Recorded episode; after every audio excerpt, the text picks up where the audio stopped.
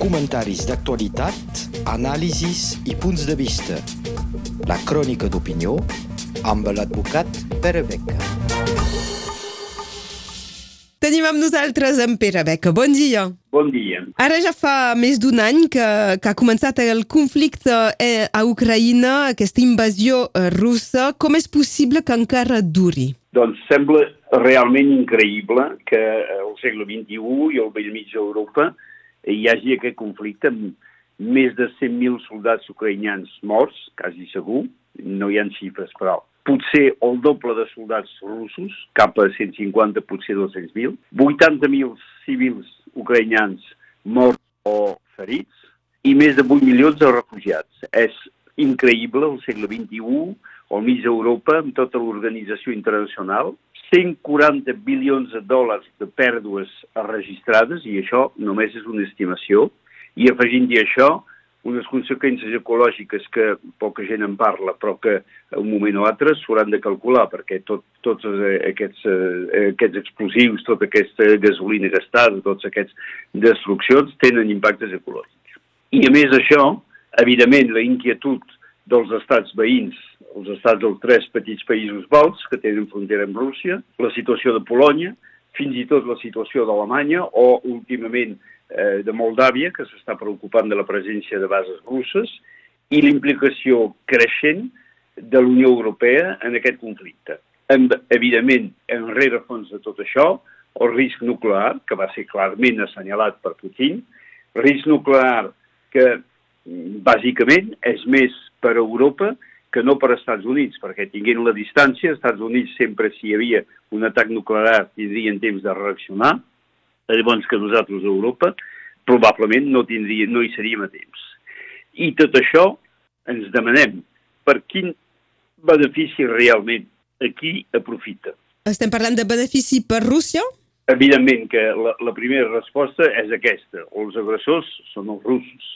I recordem que això no va començar l'any passat, sinó que va començar el 2014 amb l'invasió de Crimea, més o menys dissimulada, sense massa violència, però invasió, és a dir, la voluntat russa de guanyar espai i de guanyar accessos directes al Mar Negre i al Mediterrà.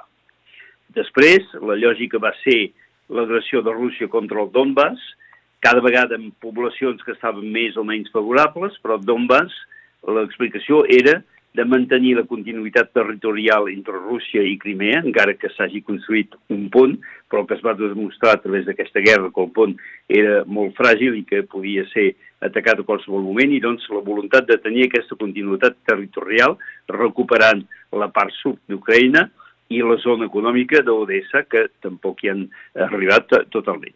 També hi ha una altra conseqüència favorable, entre cometes, però de la lògica russa, és el reforçament de l'autoritat dictatorial de Putin. Eh, S'ha vist que eh, amb el risc que ha pres, la població, més o menys informada, potser menys, està adherint a la guerra. Hi ha un suport popular a aquesta guerra. I eh, és per això probablement que Putin treballa molt sobre el caràcter simbòlic d'aquesta lluita, que ens va explicar que Ucraïna eren una colla de nazis i que s'intenta d'alguna manera de part de Rússia tornar aixecar, tornar a escriure la història que va ser simbolitzada per la lluita del, en aquell moment l'URSS eh, a Stalingrad contra Alemanya, és a dir, la lluita del bé, entre cometes, comunista contra els nazis alemanys. Doncs ara és una lluita una mica paral·lel entre el bé rus i els nazis ucraïnesos, els suposats nazis ucraïnesos. Però, evidentment, aquesta busca de símbols mobilitzadors eh, tampoc és tota l'explicació d'això, perquè els símbols mm, sembla que vinguin després. S'ha iniciat la guerra, però que sembla que vinguin després. I doncs hi ha una explicació que potser és més àmplia. Doncs si el benefici no és per Rússia, per qui seria? Doncs potser ens hem de demanar si eh, no hi ha, d'alguna manera, un benefici, potser més indirecte, però més important, per als Estats Units. Eh, una cosa s'ha de recordar, l'any 1990, el temps que els Estats Units eren presidits per George Bush i a Rússia amb Gorbachev, després del desmantellament de la baixada del mur de Berlín, el desmantellament de l'URSS, es va fer un tractat entre Rússia i la OTAN, l'Organització Tractat de l'Atlàntic Nord, dient que es limitava l'expansió de la OTAN als països que en aquests moments hi estaven, en aquells moments hi estaven, doncs no l'Ucraïna, i era això la compensació o el preu a pagar per la reunificació d'Alemanya. És a dir, que els americans van acceptar que es reunifiqués Alemanya, Rússia també ho ha acceptat, però amb una promesa dels Estats Units de no anar més cap a l'est. És a dir, de eh, deixar aquest, no sé si es diu en català, aquest glacís, aquesta zona protectora.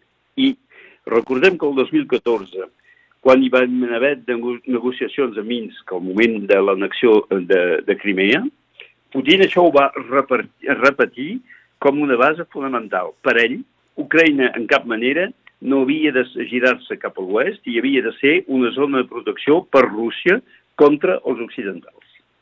Però, evidentment, això era sense tenir en compte de l'opinió dels ucraïnesos ells mateixos.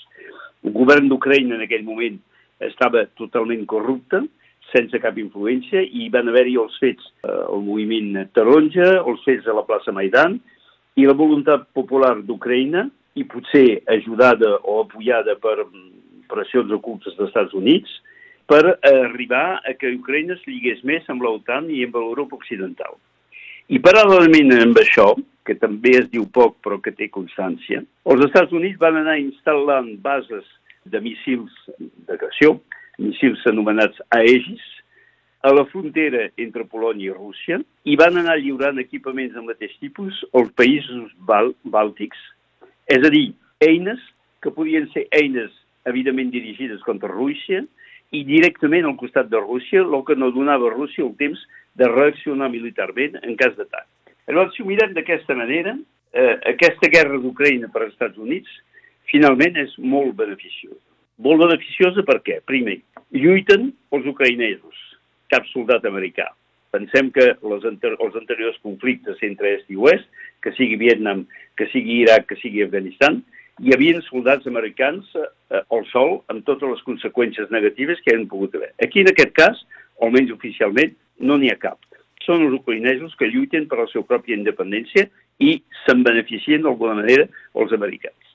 Se'n beneficien perquè proveeixen armes i tecnologies i al mateix temps o, o les proven. Eh, recordem que nosaltres el que vam conèixer de la guerra d'Espanya, Alemanya, que tenia una política militar molt agressiva, també van aprovar les seves eines a la guerra d'Espanya. Doncs els Estats Units d'alguna manera fan el mateix, preparant armes d'alta tecnologia i donant-les a, a, a les tropes ucraïneses que són de qualitat per veure com això pot funcionar i don experiència. O el mateix per tot el que és de, de, de projectils, de municions que els Estats Units els fabriquen i els venen i que es demostra que Europa no té capacitat suficient de fabricar. Al mateix temps, de qualsevol manera que passi, això està afeblint l'exèrcit rus convencional i permet de veure quines són les insuficiències i especialment les insuficiències d'organització.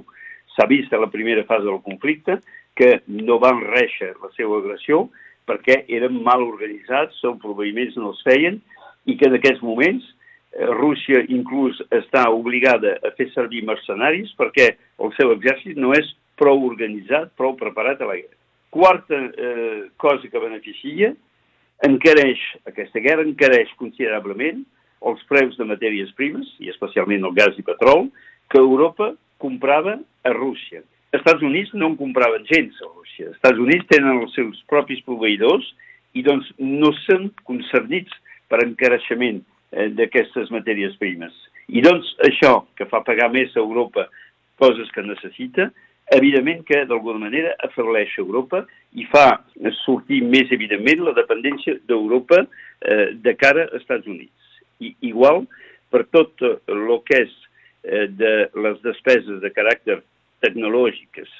I aquí hi ha un fet complementari que potser té la seva importància en aquests partits que som com partits escacs a, a, a, molts, a molts episodis. És el fet que per portar una guerra moderna es necessiten composants electrònics, microprocessors. Aquests microprocessors, bàsicament, venen de l'illa de Taiwan perquè el repartiment es va fer de tal manera que la majoria d'aquests estan construïts a Taiwan. Se sap perfectament que els Estats Units estan en conflicte amb Xina sobre Taiwan. Però tanmateix, aquests microprocessors utilitzats per la guerra que venen de Taiwan, els Estats Units un dia o altre ens diran que si hi ha un conflicte entre ells i Xina sobre Taiwan, nosaltres com a europeus ens haurem d'implicar en aquesta guerra per precisament mantenir el proveïment d'aquests materials essencials.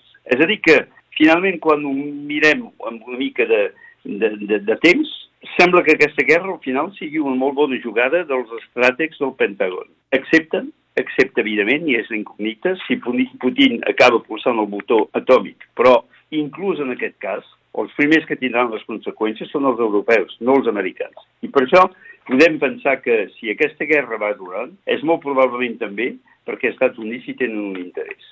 No són gaires bones notícies. Per tant, moltes gràcies per haver-nos escoltat. Gràcies, eh, Pere Beca, per aquestes eh, reflexions i fins la setmana entrant. Val, fins la setmana entrant. Adéu.